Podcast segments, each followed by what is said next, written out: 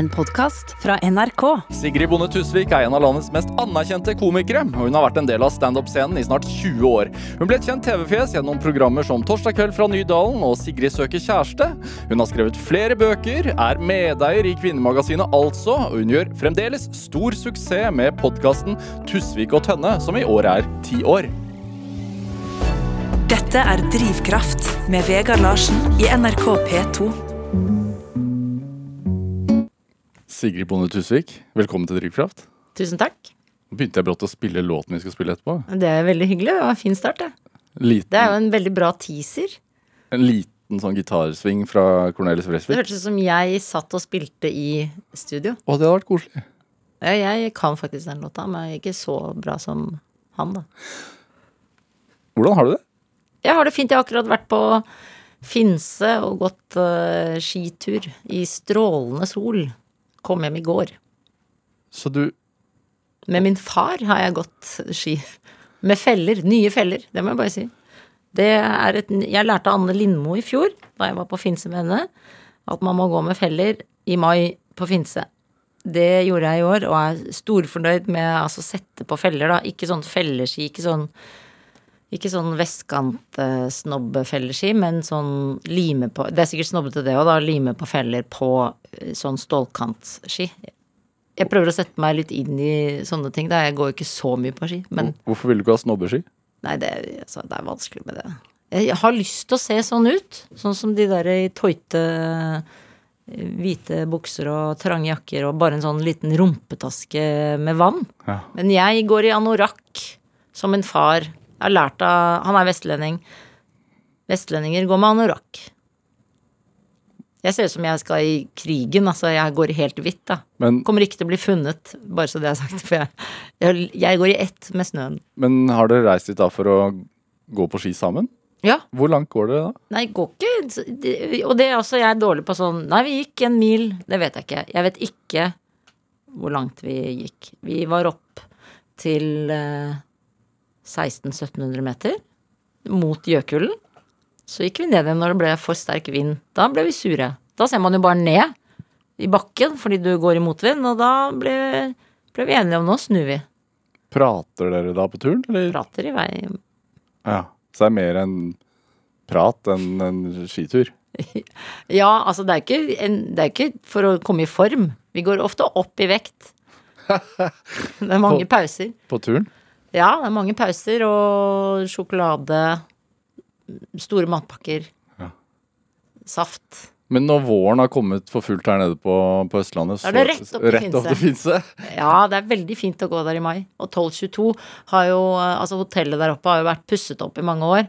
Så nå har liksom alle vi som er der en gang i året, gledet oss til de skulle åpne. Og det var blitt veldig fint. Ja. Og mormoren min var oldfrue på 1222, så jeg føler jo at jeg Jeg sier da sånn hei, hei, mormor, sier jeg da når jeg går inn i matsalen. Tenker liksom at selv om jeg ikke tror på spøkelser og sjeler, så sier jeg bare hei, bare for i tilfelle. Var en oldfrue? Hun var da en slags eh, er det hotelldirektøraktig mm, rolle. Altså du har ansvaret for hele, hele hotellet, da. Du, hun eh, sto opp tre om morgenen og, og fylte mm, eh, ved, eller koks, eller hva det var de fyrte opp med, i hvert rom eh, om morgenen. Og så spilte hun taffelmusikk på piano når de kom. Da var det smokingplikt på Finse 1222. Eh, eh, så da spilte hun piano, og så serverte hun alle gjestene som var der. Det var, hun sa det var en av de mest slitsomme jobbene hun hadde gjort i livet sitt. Men altså din fars bestemor? Nei, dette var faktisk mammas mor. Ja. Og dere har fortsatt å være der som en tradisjon, da? Nei, altså det Mamma har, jeg aldri sett der oppe. Hun, hun er ferdig med å gå på ski Ja. i livet sitt. Pappa og jeg har da en tendens til å rykke opp til Finse i, rundt mai. Er det Er du sporty? Nei, men jeg trener jo på mitt faste treningssenter, som jeg har trent siden 2008, Tøyen fitness og kaffe, hos en uh, norgesmester i bodybuilding, 13 ganger norgesmester, Shuka Changesi. Som egentlig er fra Afghanistan. Han trener jeg hos. Han er din trener? Ja, og livscoach og psykolog, på en måte. Han trener meg Det jeg elsker med han, er at han Hvis jeg sier sånn åh, ja, nå må jeg begynne med sommerkroppen. Ja, den er klar om fem år, sier han da. Altså, det er Han er noe, ærlig. Ja, det er ikke noe sånn Det fikser vi på fire måneder. Han sier ja, med ditt tempo så går det jo ikke det. Altså da, han sier sånn hvis du skal ha sommerkropp om fem år, så må vi begynne å trene tre ganger i uka fra nå. Så sier jeg nei, men jeg vil trene 40 minutter en gang i uka. Ja, da, da får du ikke sommerkropp. Men er du en person som tenker på sommerkroppen? Nei, jo, jeg tenker på sommerkroppen. Men jeg eh, er ikke Jeg, jeg slanker meg ikke mot som, sommerkroppen, men jeg tenker på sommerkroppen. eh, For jeg er veldig glad i å bade og sole meg. Og gå i badedrakt. Hva annet lærer han da? da? Sjokat? Ja? Nei, han har jo fantastiske eh, lærdommer. Han snakker om paradis, for eksempel. Forrige gang jeg var hos han, så sa han Tenk å tro på paradis eh, når du bor på denne planeten. For hvis du hadde dratt ut i verdensrommet, sett rundt deg på alle stjerner, alle planeter og alt som fins der, så ser du bare én én grønn og blå planet som ser helt fantastisk ut, og det er den du bor på. Du bor på paradis, og du må huske det gjennom livet ditt at du er i paradis i dette livet. Dette er paradiset. Ikke ønsk deg et paradis. Du må være her og nå. Det elsker jeg jo når du da tar markløft. Og han også lærer meg, for eksempel når jeg tar markløft, så sier han løft som en kamel, senk som et eh, sånn eh, eh, Det derre Hercules eh, Flyet. Ja. At du skal senke det ned som et sånt militær eh, Lande lett. Du må lande lett og, og stiv ned, ikke sant, på, på markløft. Du må lære deg det, og det, jeg liker den at du Istedenfor at han sier sånn stiva korsryggen i ledd eh, tre. Ja. Løft som en kamel. Du skjønner på en måte umiddelbart hvordan du skal løfte når han sier det. Hvis du har sett en kamel eh, reise seg, da. jeg synes, Er ikke det Senk ganske deg sånn som et jagerfly. Du har jo sett et jagerfly lande. Ja. Eller Hercules-fly, eller eh, Det er veldig stor det? forskjell, for et Hercules-fly er de gamle lasteflyene til militæret som Å ja, har det er propeller. feil. Ja, nei, sånn- da er det feil. Et, et uh... Du skal lande, du skal uh, lande rett ned. Jeg Ja. vet ikke hvilket Jeg er jo ikke vokst opp i en militærfamilie, så jeg vet ikke Vi er militærnektere i familien, så jeg vet ikke hvordan militærkjøretøy lander. Eller jeg har sett for lite på Dagsrevyen. Klager du når du trener? Nei! Eh, klager ikke, nei. Men jeg er litt skuffa over eh, egen styrke og sånn, selvfølgelig. Men Sjukat sier da 'kroppen husker'. Husk det. Kroppen husker. Ja. Så den kommer tilbake, selv om du er nå litt svakere der og Men dette er én gang i uka. Dette er en gang i uka, og det har vært mange ganger i uka i gamle dager. Men nå etter eh, to barn, små barn, så er det én gang i uka. Er du Altså, nå er du her, men hvordan er en hvordan er en vanlig dag for deg? Er du et rutinemenneske? Eh, Nei, som frilanser kan man på en måte ikke være det. Hver dag er jo masse forskjellig. Vært på et møte nå før deg, eksempel. Sånn fremtidig mm, prosjekt. Hemmelig fremtidig prosjekt, eksempel. Og så etter deg så, så må jeg på en måte forberede meg ofte til Hvis det er en jobb, eh, hvis det er standup-jobber i løpet av uka, så er jo kunsten å legge en firmajobb, da, for eksempel, legger du den bakerst i hodet og lar den jobbe på i mange uker og måneder. Eh, og så må du hente den fram da og begynne å jobbe den fram og vitse den opp og skrive. Jeg skriver jo mye eh, spesialskrevne vitser til alle firmajobber jeg gjør. Ja. Så da jobber jeg jo med det eksempel mye i hjernen, da, gjennom hele uka.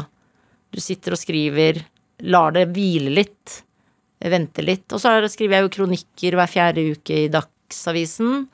Den må du på en måte si til deg selv nå om tre uker, nå om to uker, nå skjer det snart. Du må på en måte bestemme deg for tema, sånn at den kan jobbe i hjernen bak, da. Sånn at du ikke blir stressa og får sånn panikk for 'jeg kan ingenting, jeg er ubrukelig'-panikken, Og frilanssjuka er jo sant, at du sier ja til alt fordi du, du har ledig uke om to uker.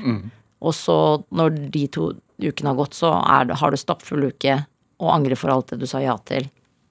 Du Må lære deg å forholde deg til deadline på en konstruktiv måte med å la ting ulme. Ja, la ting ulme, og så må du også da kunne Jeg er jo et ja-menneske og mener at man skal si ja til ting, så da må du på en måte lære deg at straffa for å da være et ja-menneske og si ja til ting du må, du må ha det hektisk, men rolig inni deg.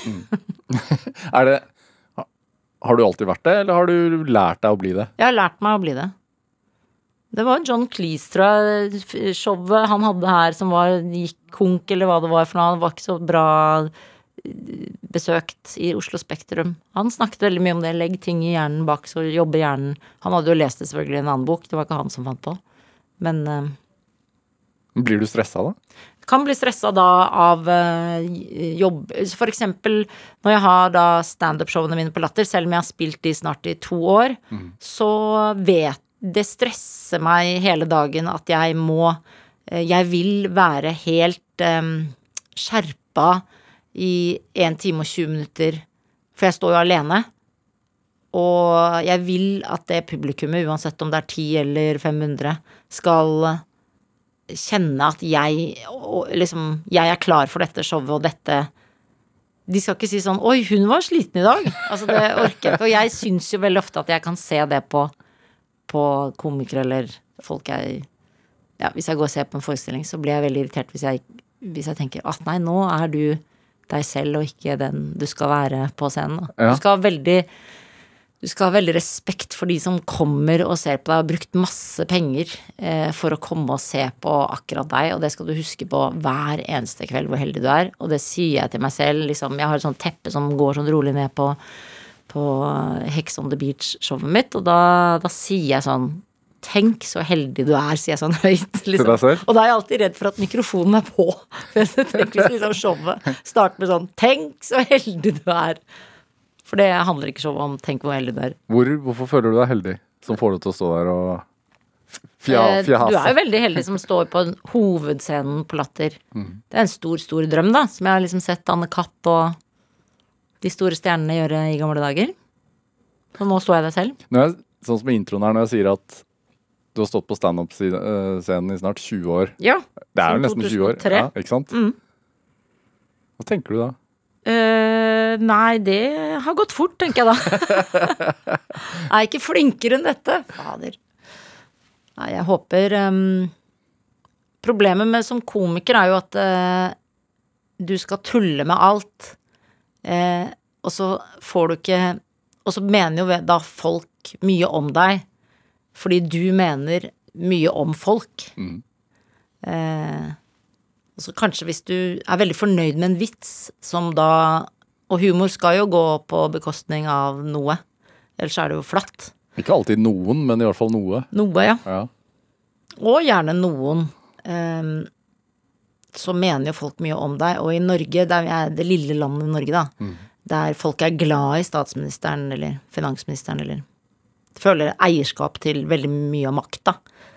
Jeg tror at det er det vanskeligste med å være komiker i Norge, er nettopp det at folk eh, fort går over til 'nei, nå syns jeg du mobber', eh, mens i England blir det absolutt sett på som humor. Og så syns jeg det er artig å se veldig de som er opptatt av at vi, eh, ja, vi som driver med politisk satire eksempel, da mobber. De elsker den engelske humoren og sier 'jeg ser ikke på norsk humor, for jeg syns det er Nei, det er det teiteste, og det er bare mobbehumor. Jeg ser på det engelske humoren, jeg, sier de. Jeg ser bare til England, jeg. Eller USA, det syns jeg er bra. Og der er det jo mye verre. Mye mer mobbehumor i engelsk humor enn enn, uh, hos oss, da. Men du er jo en dame med, så vidt jeg så sånn jeg leser fall, ganske mye samvittighet. Eh, absolutt, ja. Hva, Jeg får dårlig samvittighet for, for slemme ting, men jeg, det er jo også viktig at humoren skal slå. Slå rundt seg. Den skal sparke i alle retninger, også helst mot en selv mest. ja. Men har du følt noen ganger at uff, nå gikk jeg for langt? Ja, det gjør jeg hver uke. Jeg har en podkast som heter Tusvik og Tønne. Ja, som har fått en del litt, Ja, for, litt, litt pepper for akkurat det. Ja, det gjør vi, men det er jo en viss type mennesker som, eh, som gir oss pepper. Vi har jo en enorm eh, eh, gjeng som syns eh, vi er liv laga og hel ved. Så jeg tenker at vi eh, Vi skal stå i det, og det må man tåle. Problemet til menneskedyret er jo at eh, du vil bli elsket av alle. Og et problem til en komiker er at du vet at du må på den scenen og såre noen. Eh, for at noen skal le. Ja. Eh, og oppgaven din som standup-komiker er jo nettopp det. Du skal lese samfunnet, du skal lese? Du skal jo ta Petter Northug i det han er tatt eh, for et eller annet i den bilferden med penger bak og Skal gjøre litt vondt å høre det. Ja, og- som det skal Og du skal også si det alle tenker, som ingen tør å si. Det skal du si som standup-komiker. Og det er ferskvare. Så om fem år så skal på en måte den vitsen enten være Herregud, tenk at jeg sa det. Det er jo ikke noe bra. At jeg sa det der. For eksempel N-ordet sier man jo ikke lenger. Eh, og det sa jo masse Hvis vi skal gå bakover i tid, så har vi jo nesten alle komikere har sagt det N-ordet masse på scenen. Eh, så, og det er jo livsfarlig, disse cancel-tider, der du blir kansellert. At du kan hente opp gamle klipp. For da, da sliter jo veldig mange av eh, alle komikere som har holdt på en stund, da. Fordi du, du, du utvikler jo standupen din, og særlig standup er jo ferskvare som da ikke skal være aktuell lenger etter eh, et år eller to, da. Ja, kanskje tre. I hvert fall fem. Da bør du ha kommet deg videre. Er det Hvor mye vanskeligere har det blitt? Nå er det mye vanskeligere. Nå buer publikum, det har det ikke gjort før. Nå har jeg blitt en veldig gammel komiker, eh, hører jeg, fordi jeg kan si sånn var det ikke før. Ja. Eh, og det er jeg egentlig imot, fordi jeg elsker jo de komikerne som ikke ser tilbake og sier 'Å, det var mye gøyere før'. Eh, men jeg er jo barn av Bård og Harald eh, fra, fra NRK. Så jeg er jo vokst opp med knallhard humor, som jeg elsker. Eh, så um, mens nå er Nå sier publikum oh, Nå har de lært seg den amerikanske måten å håndtere humor på, eh, som er kjedelig.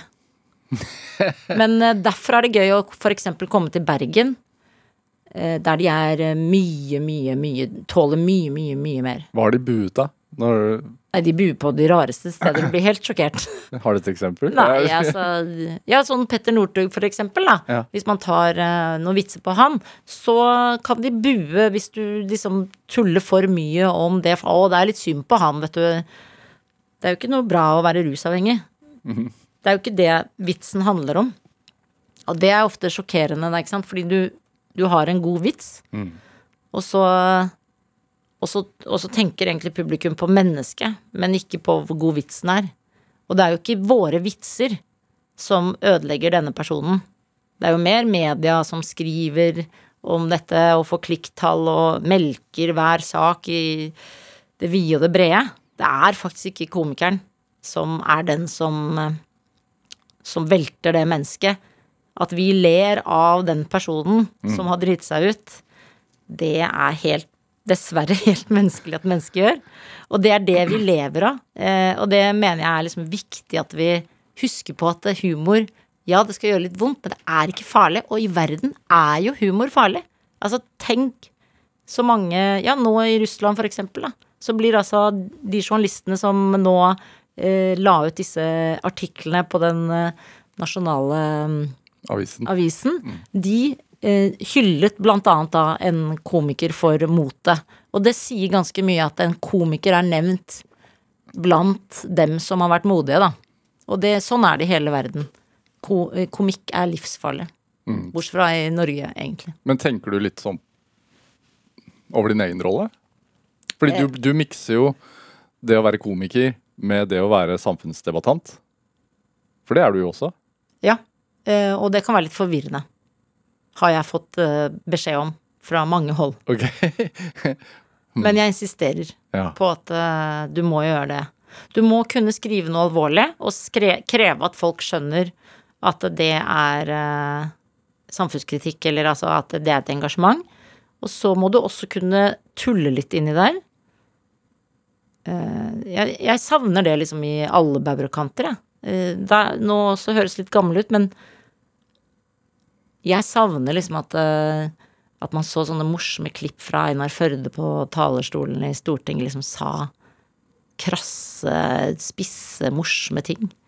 Og at kommentatorene i avisa også var morsomme og vitsete og tøysete i i samfunnskritikken, da. Ja. Nå er det veldig sånn altså, er, er du ikke enig i at det er kjedelig at når du leser Du starter en kronikk, så står det 'dette er skribentens egne meninger'. Da blir jeg alltid sånn åh, det er så trist at vi kom dit.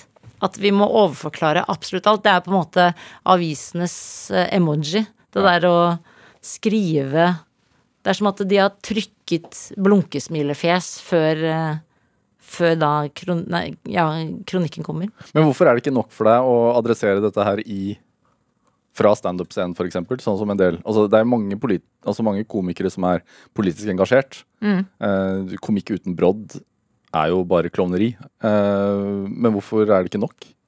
Nei, det er mer eh, hjemmelekse, eh, føler jeg. Liksom straffen for å ha blitt komiker fra to eh, svært kloke akademiske foreldre og en søster som driver med menneskerettigheter. Hun har master i russiske menneskerettigheter, og jeg tuller ofte med å si at det må ha vært en veldig kort masteroppgave. Men øh, jeg er jo den øh, Jeg blir jo kalt minsten i familien, og hun blir kalt menneskerettighetsdattera. Altså, det er, veld, det er en veldig forskjell på oss, og det er på en måte det er, det er, for å bevise for meg selv og resten av familien at jeg jeg kan skrive klokt, øh, eller det Jeg prøver, jeg prøver i hvert fall å skrive klokt, da. Um, og så prøver jeg å engasjere.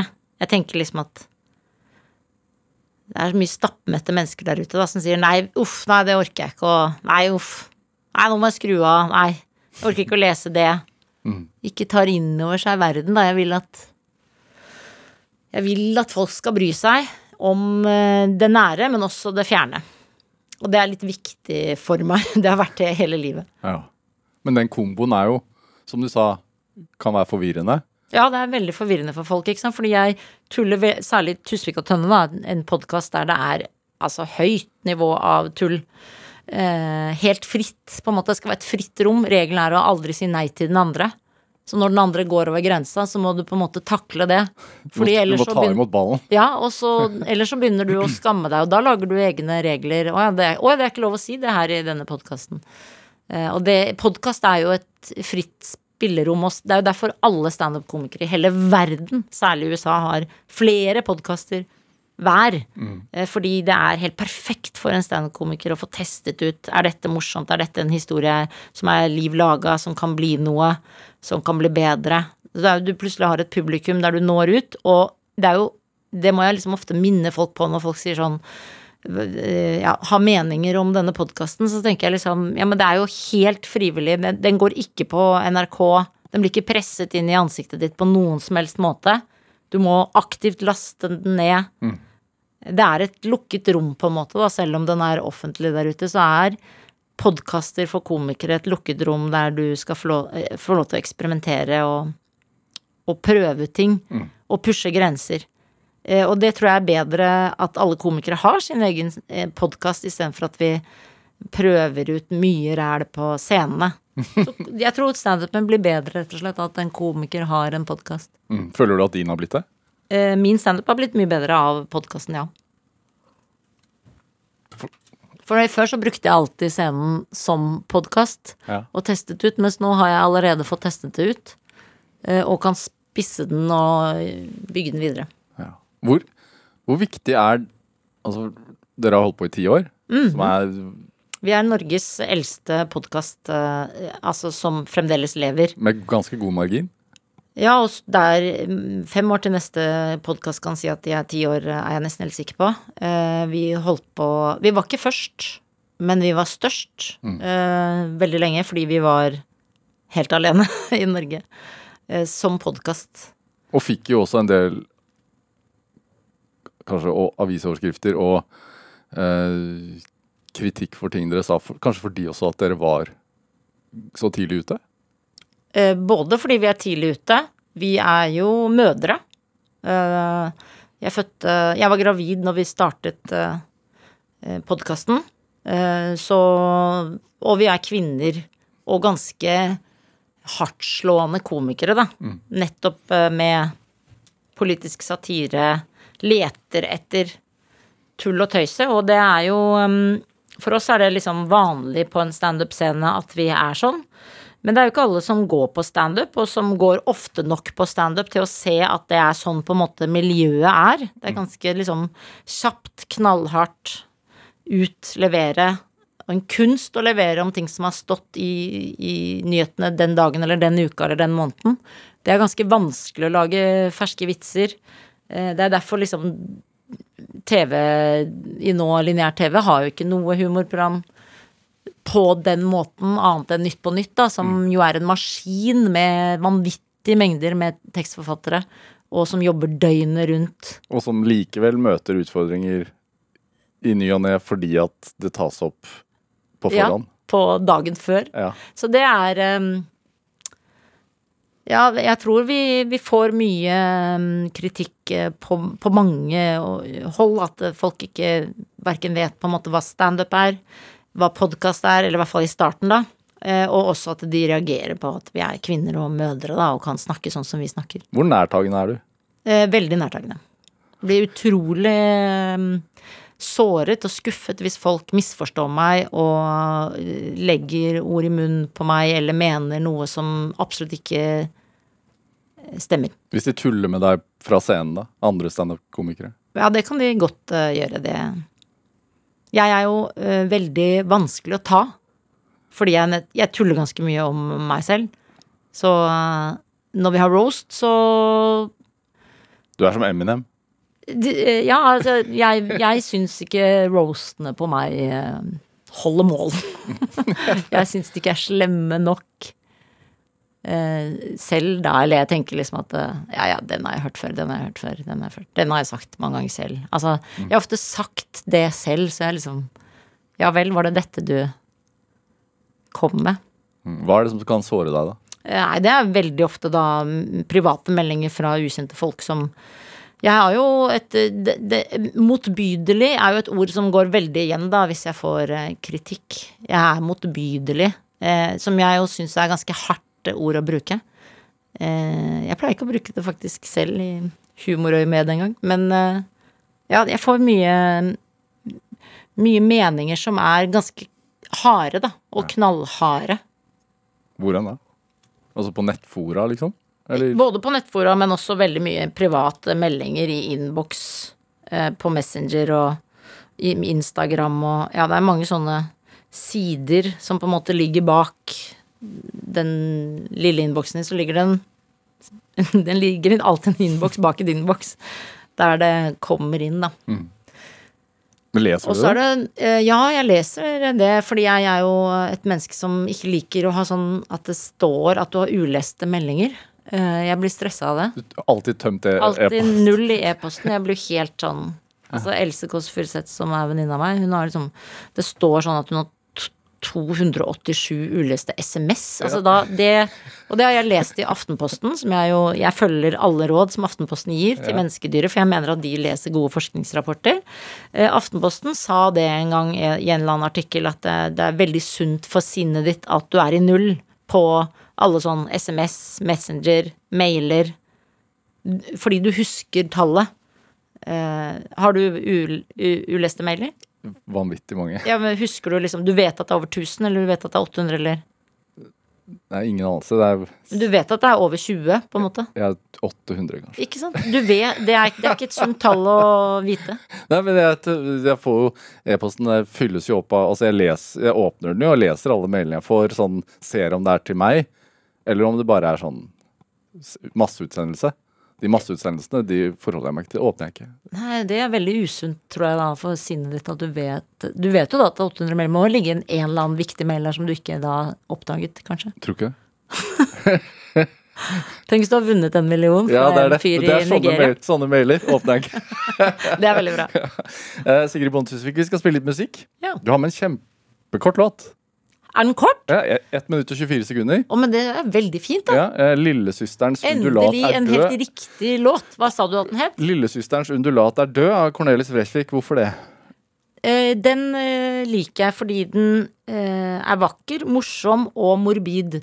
Og jeg syns det er for få låter som lages sånn. Det er kjempeirriterende at ikke det lages vakre melodier med morsom og morbid tekst som, som eh, er fin å høre på og gøyal å høre historien. Altså det er en bra historie. Det er for mange kjedelige gitarviser som ikke er eh, Som har et, det lille ekstra. Men hvorfor liker du den her?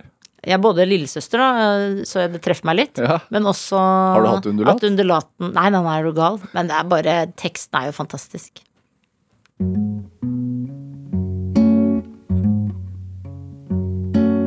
Lillsysterns undulat la til død, stendød uti sin bur.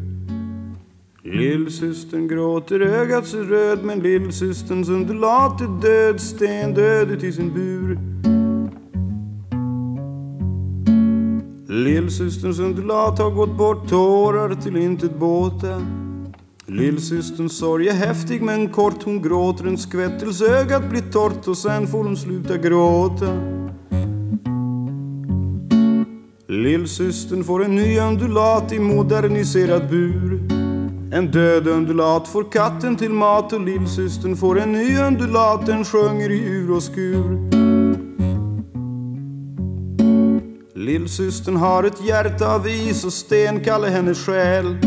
Hon vill ha en fågel till varje pris men vill inte ge den kärleken spis och då svälter den ihjäl Lillsysterns undulat är død, den sjunger i himmelens høyd. Den stakkars undulaten dog av celibat men lillsystern får en ny undulat og allting er frid og frøyd. Ja, Du fikk Cornelis Vresvik med 'Lillesøsterens undulat er død' her i Drivkraft på NRK P2, valgt av dagens gjest her i Drivkraft, nemlig komiker og TV-personlighet Sigrid Bonde Tusvik. Du er vokst opp på Nordstrand Ja. I Oslo, Uten undulat, bare som det er sagt. uten undulat. Eh, hvordan vil du beskrive det hjemmet ditt? Vi har vært litt innom det, at du føler at du skylder din familie å være samfunnsengasjert. Ja. Må huske på at jeg overdriver alt jeg sier. Men øhm, ja.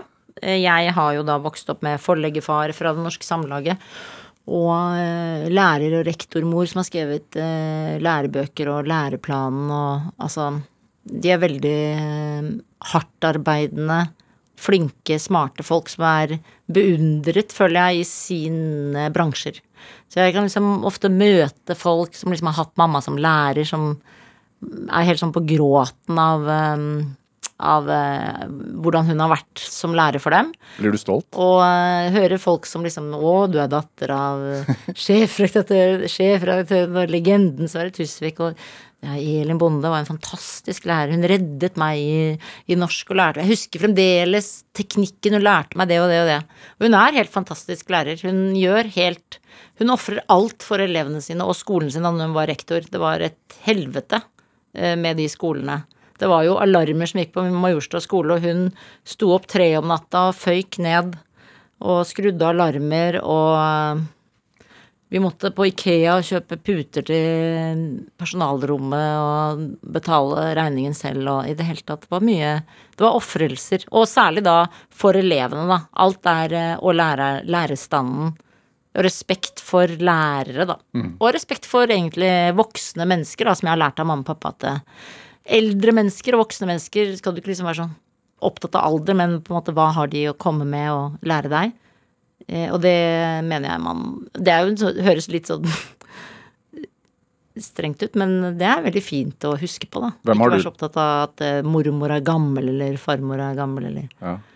Og ikke være så opptatt av at de hører dårlig, eller et eller annet sånt. Kan man, kan man huske på nå når 17. mai nærmer seg. At uh, Sitt heller og prat om gøye ting og Ikke sånn her og nå, men altså, det er jo mye gøyere å høre om gamle historier. Masse morsomme historier som du kan gjemme i hjertet ditt og bruke til andre ting. Hvilke historier elsket du som barn? Eh, nei, det var jo mye krigen, da. Det Veldig spennende, selvfølgelig. Eh, tyskerne hadde jo okkuperte huset som jeg selv bor i den dag i dag. Vi er femte generasjon i det huset, så det, det er liksom veldig spennende historie der. Bestemor flyktet til Sverige. Det var mye, var mye krigshistorier. Tanta til mamma var eh, var sekretær i Milorg, og altså det var veldig, veldig spennende pappa, og de satt liksom og nørte ut historier. Så hadde mamma og pappa veldig gøye venner. Masse fester, middager, der vi barna fikk lov til å sitte ved bordet, ikke barnebord. eh, Der vi både liksom ble lært opp i å høre på voksne prate, og at de hørte på oss. Så jeg tror de voksne også ble litt lært opp av mamma og pappa at barn også må høres. Og også at det var veldig Ja, det er gøy å høre Jeg tror det er liksom viktig at man blander sammen eh, Altså, du hører da villere historier som kanskje barn ikke skal høre, men det er, det er gøy. Og jeg tenker at med mamma og pappa sine venner, så er jeg kanskje det er der jeg liksom har litt sånn standup. eh, Standupen fra, da, det der med historiefortellingen, da, en god slutt på en historie, og det å overdrive. Jeg elsker å overdrive, og det irriterer sikkert hele vennegjengen min, men, men liksom jeg syns det er gøy å si 127 Han kjøpte det huset for 127 millioner kroner. Så må du jo tenke sjøl hva han kjøpte det huset for. Hva er viktig for deg å lære dine barn, da? Nei, det er både det at de er, Altså at de, de ikke liksom Det er ikke så viktig at de er barn. At de er barn og vi er voksne, for eksempel. Da. Det liker ikke jeg. Det må liksom Alle må høres, og det skal være bråk både fra voksne og barn. Jeg liker ikke de som Å, nå var det veldig bråkete og mye støy her. Det verste jeg vet, er de som ikke tåler støy. Det er så kjedelig i Norge, særlig Norge. Syns jeg er kjedelig land. Jeg tenker alltid barn i Italia blir også noe bra. Så mine barn må Altså, folk som er rundt mine barn, må tåle støy. Og jeg mener også at man må være støyende som voksen. Voksne oppfører seg ordentlig, legger bånd på seg, forteller ikke følelsene sine. Jeg mener at det er viktig å fortelle barn at du er lei deg, at du har hatt det kjipt på jobben, at du har følt deg teit og liten, sårbar. Veldig viktig. Og det kan du vise helt fra de er null år, sånn at de er vant til det. Sånn at ikke de får sjokk liksom, når de er elleve år og bare 'herregud, har du vært lei deg?' Altså, det er ikke bra. Er det det å øh, bli boende i barndomshjemmet Ja. er det, og Moren og faren din bor der ennå? Ja. Hvor opptatt er du av den tryggheten? Jeg er veldig trygghetssøkende. Navlestrengen er tjukk som et eh, skipstau og er aldri kuttet av. Men eh, det er Jeg syns jo familie er viktig. Jeg tror det er derfor mange er eh, deppa Altså eksempel fødselsdepresjon da, i Norge øker enormt.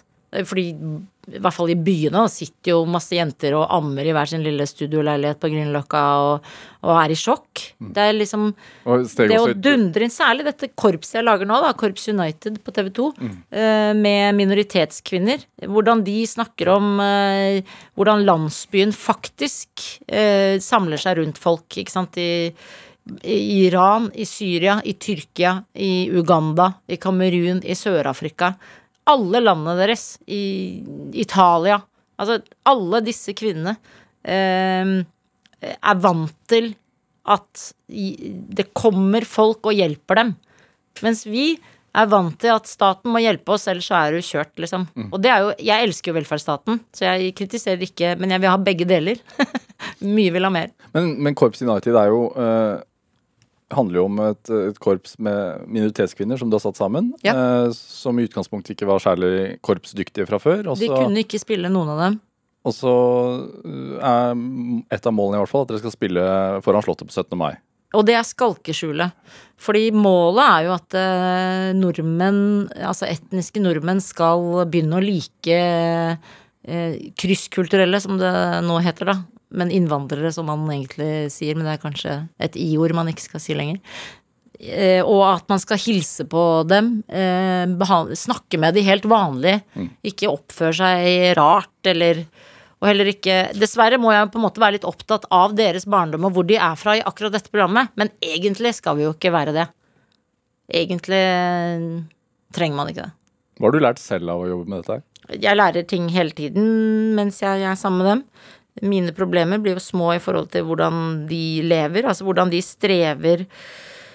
Og det å liksom komme til dette landet eh, Jeg har forberedt dem nå at eh, når 17. mai nå kommer, og vi skal gå foran Slottet, altså vi skal gå opp hele Karl Johan og, og forbi kongen og sånn, når da Når du våkner på 17. mai, så er nordmannen et, en, en helt annen person på 17. mai. Da sier vi altså hei og gratulerer med dagen til alle vi møter på vår vei. 18. mai, helt stille. Hvis du da går rundt 18. mai og sier hei til den samme personen du sa hei til på 17. mai, da blir du sett på som klin gæren. Det gjør ikke vi.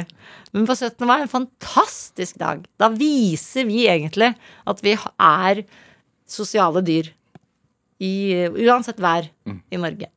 Så det, det gleder jeg meg til. Men de, det er ganske knallhardt å komme til dette landet. Vi er ikke Vi sitter jo ikke på noen sånn lokal pub og henger med folk. Vi henger med vår gjeng, vår flokk.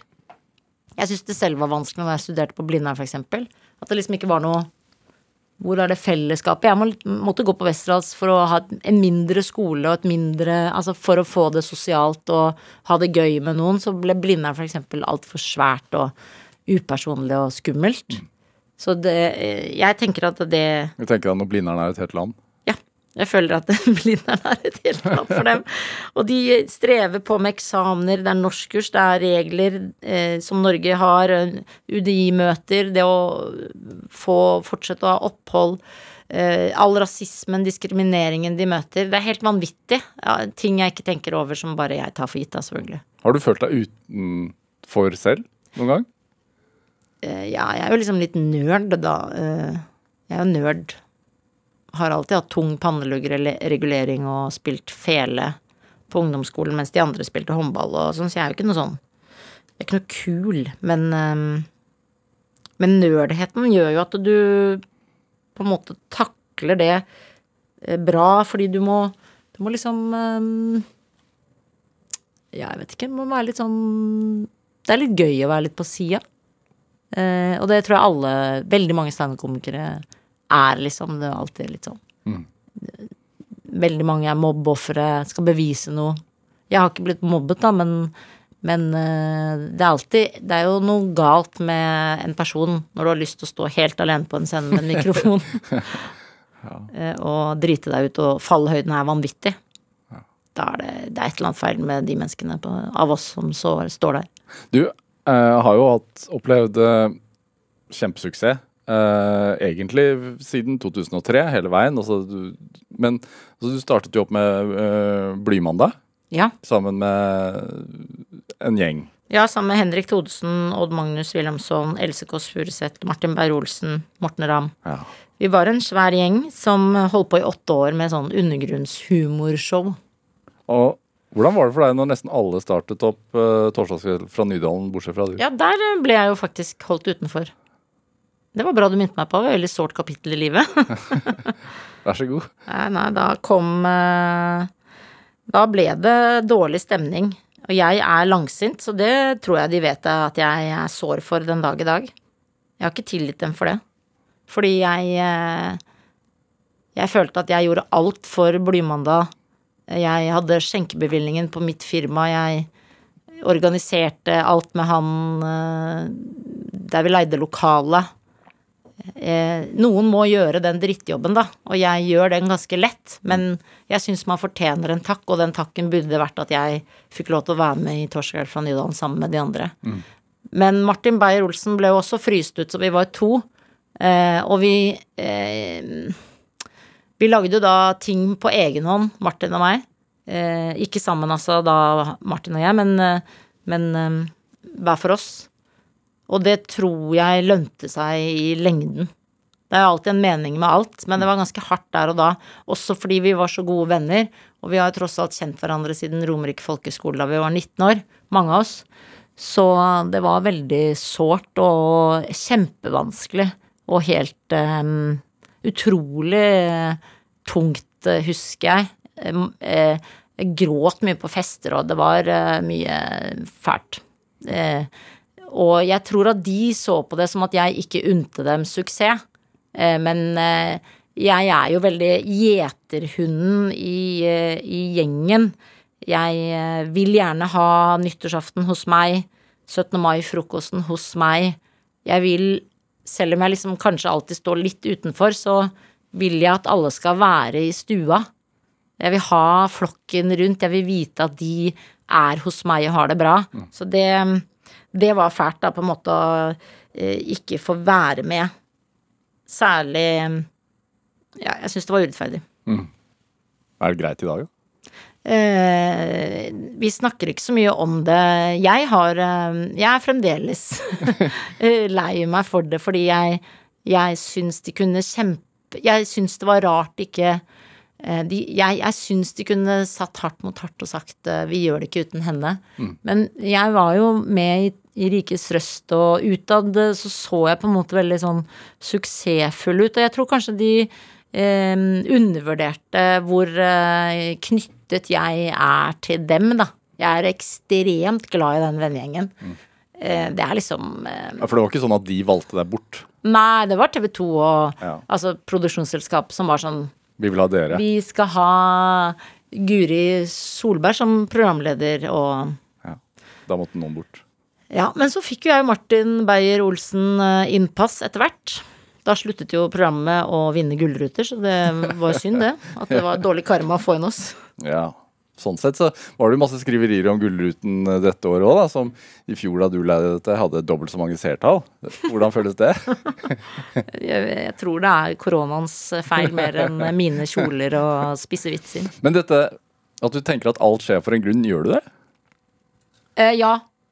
Jeg tenker, jeg tenker ikke at alt skjer for en grunn. Jeg er ikke opptatt av Men jeg, jeg tenker at det er en mening med alt, og etter hvert så skjønner du litt hvorfor at det skjer. Eh, men jeg syns ofte det er Jeg syns ofte ikke folk ser eh, arbeidet rundt, og hvor, eh, hvor mye arbeid det er med eh, mye som ser ut som går på automatikk. Og mange av oss som er sånn organisatoriske mennesker, vi blir ofte tatt for gitt. Og det tenker jeg er greit for folk å huske på, at noen har orget noen har orget vinlotteriet på jobben, liksom. Det er faktisk noen som har løpt ut. Det er faktisk noen som har tenkt på det. Det er faktisk noen som har giddet at det skal være sosialt på jobben. Eh, og det er faktisk også dritt for den som har gjort det, at folk er sure for et eller annet da den fredags ettermiddagen, når du har giddet å gjøre det. Og det den eh, det, Du skal jo ikke bli hyllet og få statue, men eh, jeg syns vi kan være rausere med, med de som gidder å ha det lille ekstra, liksom. De som gidder å, å lage noe tøys, eller de som gidder liksom eh, å rett og slett lage trivsel rundt seg, da. Gidder å prate med den som ingen gidder å prate med. Altså det er mange, mange der ute som gidder, og de får ofte ikke takka. Jeg sier ikke at jeg er en helt der, men jeg er en, en som orger mye. Er empati en viktig egenskap når man er komiker? Eh, ja, det tror jeg, og det tror jeg mange glemmer, særlig standup-komikere. Vi virker harde. Eh, og kanskje vi kvinnelige komikere som ikke det skal egentlig hete, men jeg må bare si det, fordi eh, særlig sånn på roast, eller hvis du er litt hard i vitsene dine, så kan publikum føle at de får kjeft av mora si. Mens de får ikke den følelsen når det er en mannlig komiker som sier samme vits, og det irriterer meg veldig. Da blir jeg, jeg blir først og fremst irritert på at jeg er kvinne. For jeg kunne ønske jeg var mann veldig ofte på scenen eh, ut ifra hvordan publikum reagerer tilbake. Ja. Jeg, jeg tenker ofte at vi, vi går ganske tunge det er, det er litt det er tyngre å være kvinne på scenen ofte fordi publikum har en holdning med menn lener seg tilbake og dra, eh, setter armene i kors eh, når du kommer ut. Og har et blikk som sier 'få se', da. Og det gjør de, syns jeg ikke, så ofte på de mannlige komikerne. Er det en Nei, mannlige komikere får kanskje ikke så mye sånn du er motbydelig heller. Det vet jeg ikke. Det er jo ikke så mange komikere som skriver kronikk år etter år hver fjerde uke og snakker om abort. Og jeg snakker om temaer som folk er eh, Som er touchy, men som er dødsirriterende, og som noen må snakke om. Og det er jo eksempel abort, da. Tenk det at vi liksom jeg blir jo nedringt da når det er eh, høyesterett og abortkamp i USA. Og det sier så mye. Tenk at vi, tenk at vi kvinner må drive med det. det. Det irriterer meg grenseløst at vi må bruke masse tid på abortlover i 2022. Og jeg syns dere menn er veldig ofte heldige som slipper det, liksom.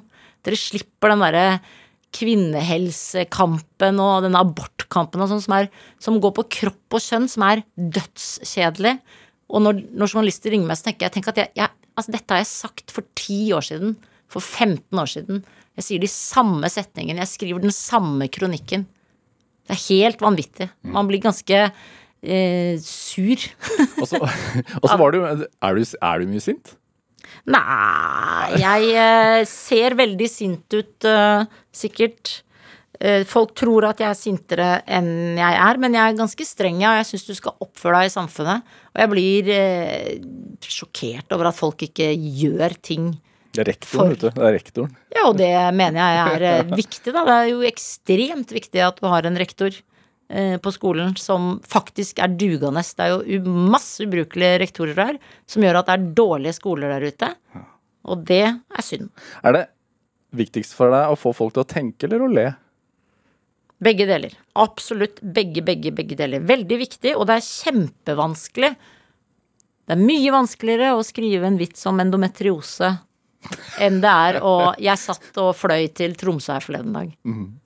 Og det er fordi at det er jo ikke så mange som engasjerer seg i endometriose, så du må i vitsen både forklare hva det er, og du må også engasjere folk, og den skal være morsom. Alle mennesker, i hvert fall i Norge, da, flyr.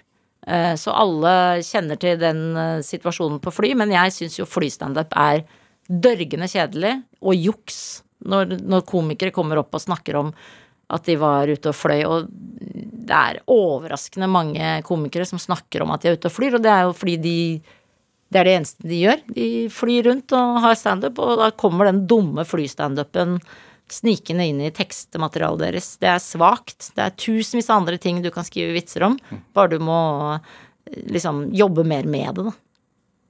Men det er verdt det. Eh, jeg mener at eh, jeg tror samfunnet har godt av at det finnes vitser på viktige saker, og at ikke det ikke bare er lette vitser. Nå lever vi i en sånn TikTok-verden der det er kjapt, og det er mye lett der ute. Og, og menneskedyret lar seg jo mate av letthet, ikke sant. Vi, vi, vi, vi krever ikke at ting skal være vanskelig, eller at det skal være smart humor. Det er, mennesket er lat, vil helst jukse og bare få lette ting. Men alt kan ikke være X on the beach og Farmen-kjendis. Du må ha noe med mening, da. Det føler jeg det korpsprogrammet mitt eksempel er eh, et eh, bevis på. At det er, det er en mening i bånn, selv om du, du lager et korps, da. Du, du, du har sagt at eh, om, om uh, Tusvik og Tønne at et av målene er å få jenter til å slutte å skamme seg. Ja. Det er jo mantra til Tusvik og Tønne. Ja. Er den derre skammen jenter bærer, er dødsfarlig, kjedelig, går i arv fra mor til datter, fra venninnegjeng til venninnegjeng. Eh, begynner i barnehagen.